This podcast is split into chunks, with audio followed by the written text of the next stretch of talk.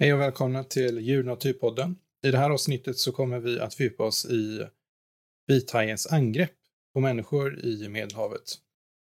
Det här är säsong två och vi fortsätter på samma tema om vithajen i Medelhavet.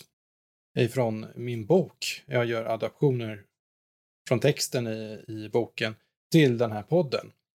Och eh, boken finns att köpa på Bokus och Adlibris och heter Vithajen i Medelhavet om ni vill se bilder eller fördjupa er i olika ämnen som jag tar upp här på podden.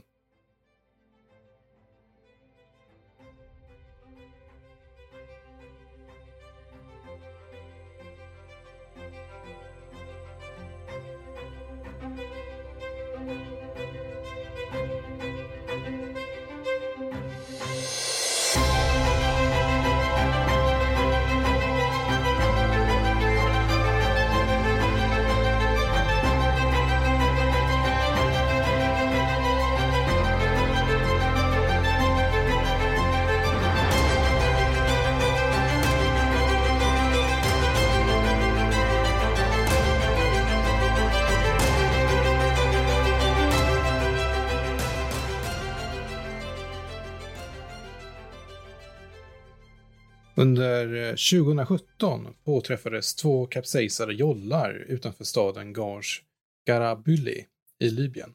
Migranterna hade satt sitt hopp till att nå den italienska ön Lampedusa, sydväst om Malta. På vägen dit hade två sjöodugliga jollar börjat ta in vatten.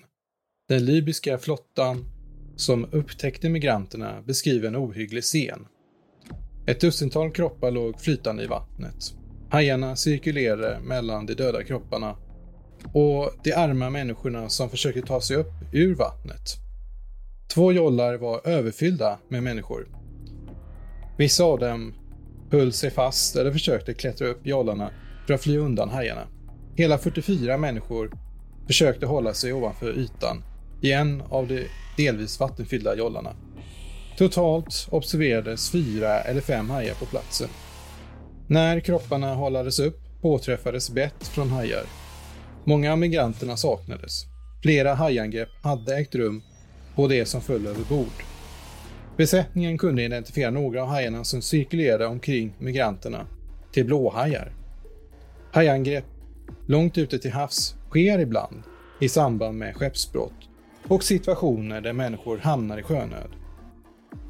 När många människor hamnar i havet skadade personer finns i vattnet eller döda kroppar flyter omkring kan hajar lockas till skeppsbrotten. Siciliensundet, där Lampedusa ligger, är känt för att utgöra ett av vithajens viktigaste habitat i Medelhavet. Under 2010-talet har flera stora vithajar fångats utmed Tunisien och Libyens kust. Det är därför sannolikt att människor som hamnar i sjönöd, likt situationen beskriven här, kan attrahera vithajar. Människor som hamnar i sjönöd i Siciliensundet löper därför en överhängande risk av att angripas av vithaj. Historiskt har hajangrepp utanför Tunisien och Libyens kust kopplats samman med svampdykare. Svampdykare är dykare som dyker efter tvättsvampar. Tvättsvamparna plockades från havsbotten för hand. Svampdykare från Medelhavet utsatte sig för många faror däribland vithajar. Utanför staden Benghazi i Libyen skedde ett hajangrepp 1899 på svampdykaren Skumbordi. Efter att han signalerat fara genom repet som förankrade dykaren med båten drogs Skumbuni upp mot ytan. Detta gjordes med stor möda. Männen ombord var förvånade över att svampdykaren var ovanligt tung. När Skumbordi kom upp till ytan fann de att en stor haj bet sig fast i hans midja. När männen på båten försökte hala ombord svampdykaren bet vithajen våldsamt genom att skaka från sida till sida i Skumbordi och han delade sitt huvud. Hajangreppets natur och geografi antyder att Skumburdi angreps av en vithaj. Utanför Sfax i Tunisien ägde ett annat angrepp rum 1909. En svampdykare vid namn Johannis Sambeltos angreps av en stor vithaj medan han samlade tvättsvampar på havsbotten. Plötsligt simmar en stor vithaj bredvid Johannes. Detta utlöste panik och en snabb uppstigning påbörjades. Johannes var en hjälmdykare med en tung dykarhjälm. Han hade därmed gasförsörjning från ytan. Den tunga hjälmen gjorde dock hans rörelser kraftigt begränsade. När han nådde vattenytan kom vithajen och bet av hans ben. Han avled av blodförlust. Ett liknande angrepp rapporterades 1913 på en svampdykare från östra Libyen. Svampdykaren ombads fortsätta sitt arbete att samla tvättsvamp trots att han sett en stor haj och därför återvänt till båten tomhänt. När svampdykaren vägrade dyka igen dök en annan svampdykare ned i hans ställe. Det tog inte lång tid innan en stor haj angrep den andra dykaren. Repet med dykaren halades omedelbart upp. Kvar lämnades en hand fastklamrad kring repet. Åtminstone 86 hajangrepp kan bekräftas till vithajen. Närmare 60 procent av de vithajsangrepp som rapporteras från Medelhavet hade dödlig utgång. Angrepp av vithaj i Medelhavet är tre gånger dödligare än det genomsnittliga vithajsangreppet i resten av världen. I andra delar av världen dör 20 procent vid ett hajangrepp från vithaj. Bekräftade hajangrepp som rapporterats från vithaj i Medelhavet sträcker sig från 1700-talet fram till 2010-talet. Flera vithajsangrepp kommer sannolikt ske under de kommande decennierna. De flesta hajangreppen rapporterades under 1880-talet och 1980-talet. Under 1880-talet och 1980-talet ökade observationerna av vithaj oberoende av den ökande mängden människor boende omkring Medelhavet.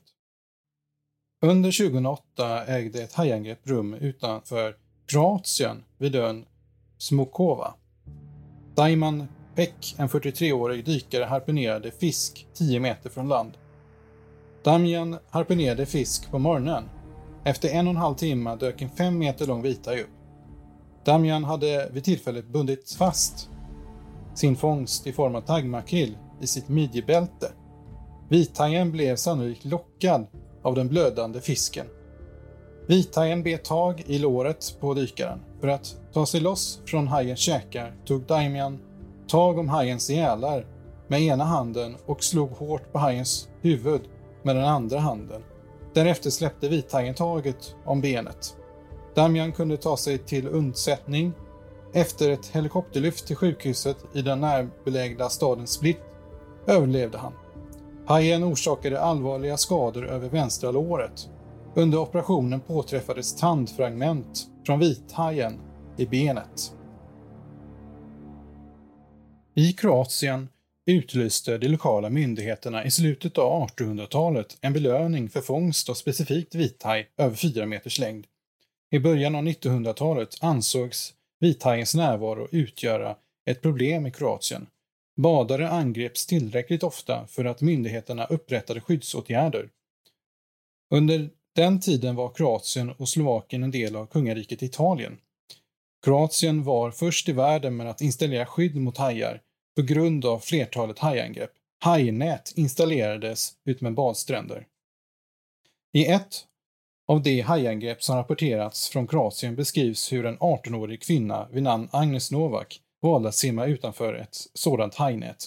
Händelsen ägde rum 1934 utanför halvön Istrien, nära staden Reika i Kroatien.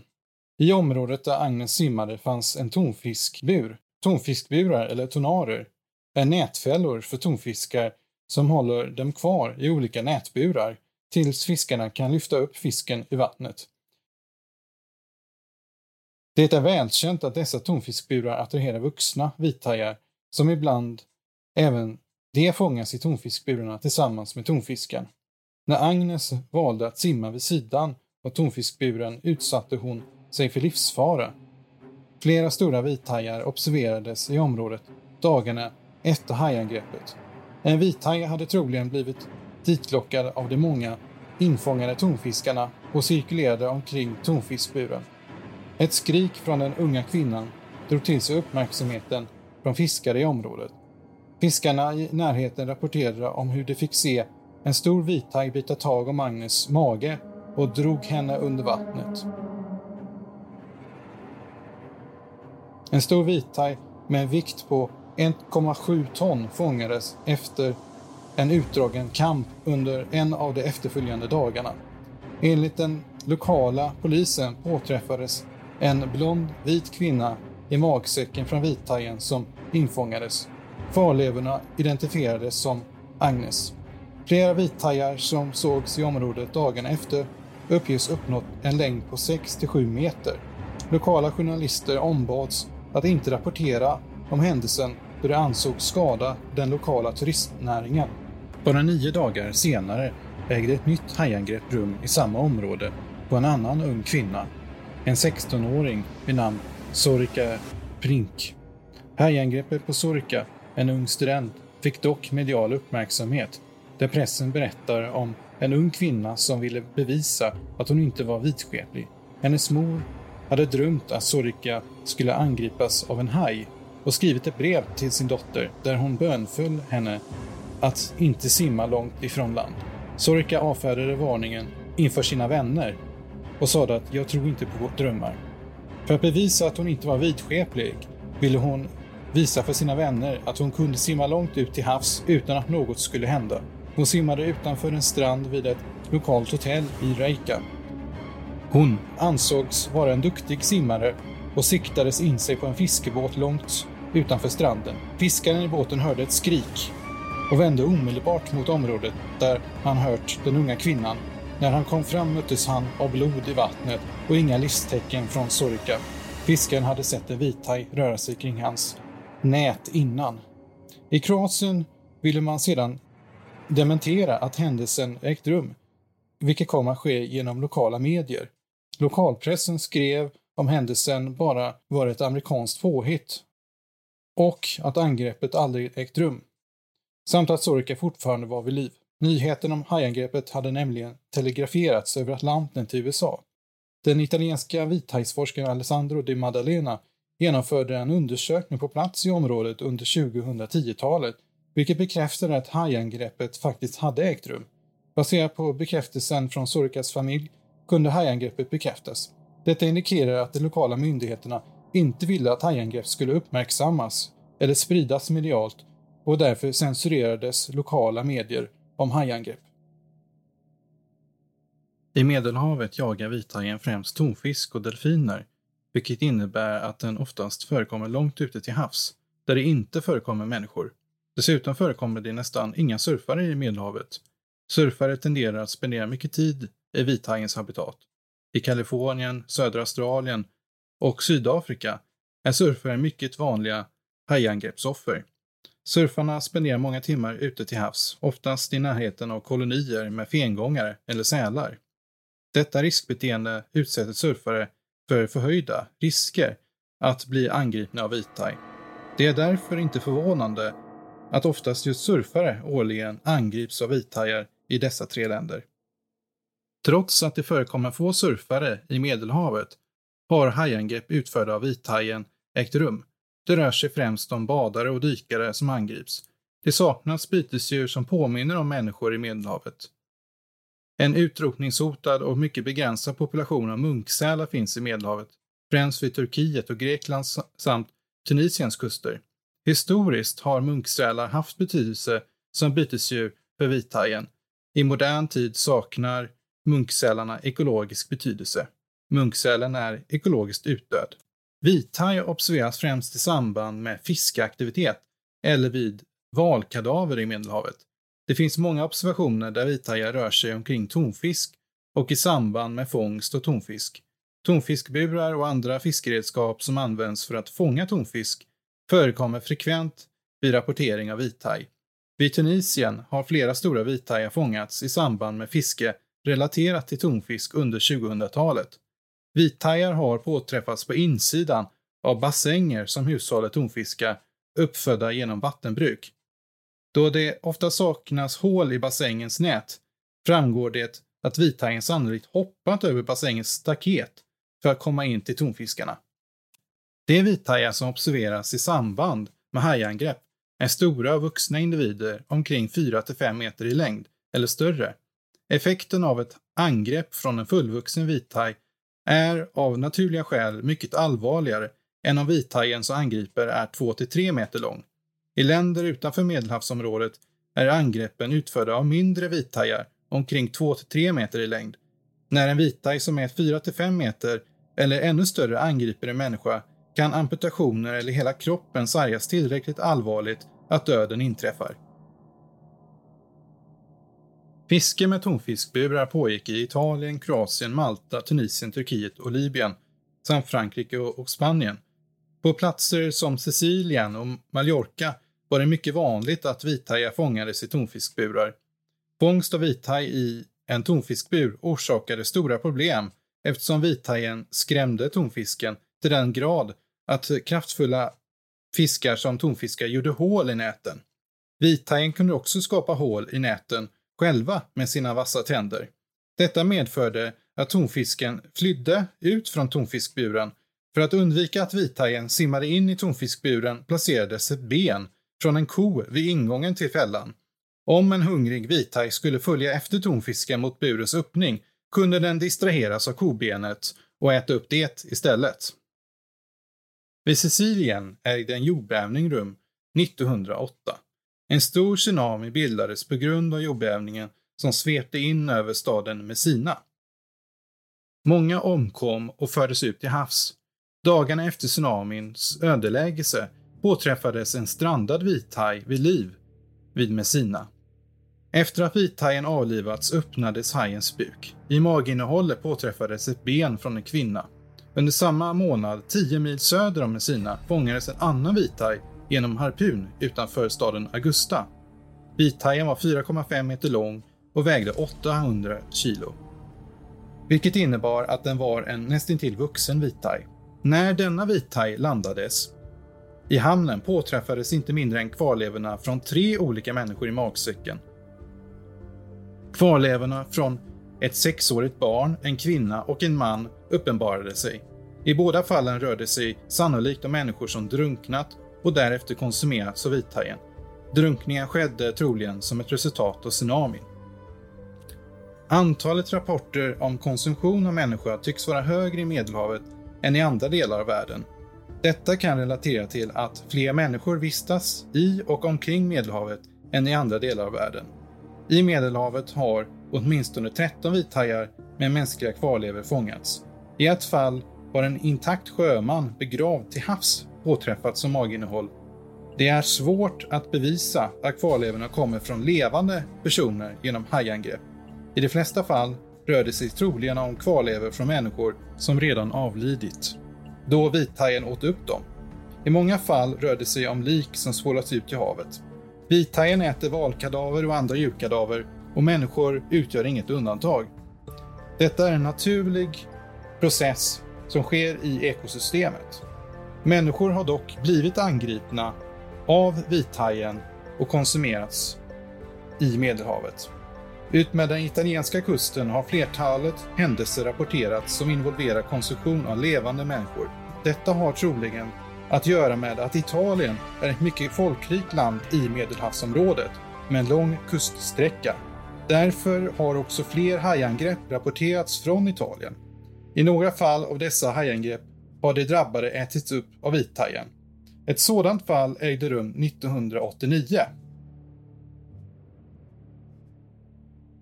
Luciano Constanzo harpunerade fisk i Baratbukten. Baratbukten ligger vid den toskanska kusten i Italien. Luciano befann sig över ett djup om cirka 30 meter. Plötsligt befann sig Luciano vid ytan i panik. En cirka 6 meter lång vithaj dök upp bakom honom. Hajen hade uppenbarligen förföljt honom från botten då dykaren genom en nöduppstigning hade stigit upp till ytan. Hajen cirkulerade runt Luciano två gånger. Vithajen närmade sig Luciano medan han simmade i panikslagen mot motorbåten. Hans son Gianluca fanns ombord på dykbåten tillsammans med en vän. De båda männen bestämde sig för att försöka jaga bort vithajen. De startade motorn på båten och körde rakt mot vithajen. Hajen dök då snabbt ner från ytan i en stor bågformad rörelse. Därefter dök hajen upp igen bakom Luciano och angrep honom. Hajen angrep tre gånger under ett par sekunder. Vid det tredje angreppet bet vithajen över Lucianos bröst och drog ner honom under vattnet. Ett fåtal icke bärgningsbara kvarlevor av inälvor påträffades vid ytvattnet. Polisen påträffade delar av dykutrustningen på havsbotten. Senare drog polisen slutsatsen att angreppet hade utförts av en vithaj eftersom tandavtryck påträffades på viktbältet och lufttuberna. Avståndet mellan tandavtrycken bekräftade att angreppet utfördes av en mycket stor vithaj.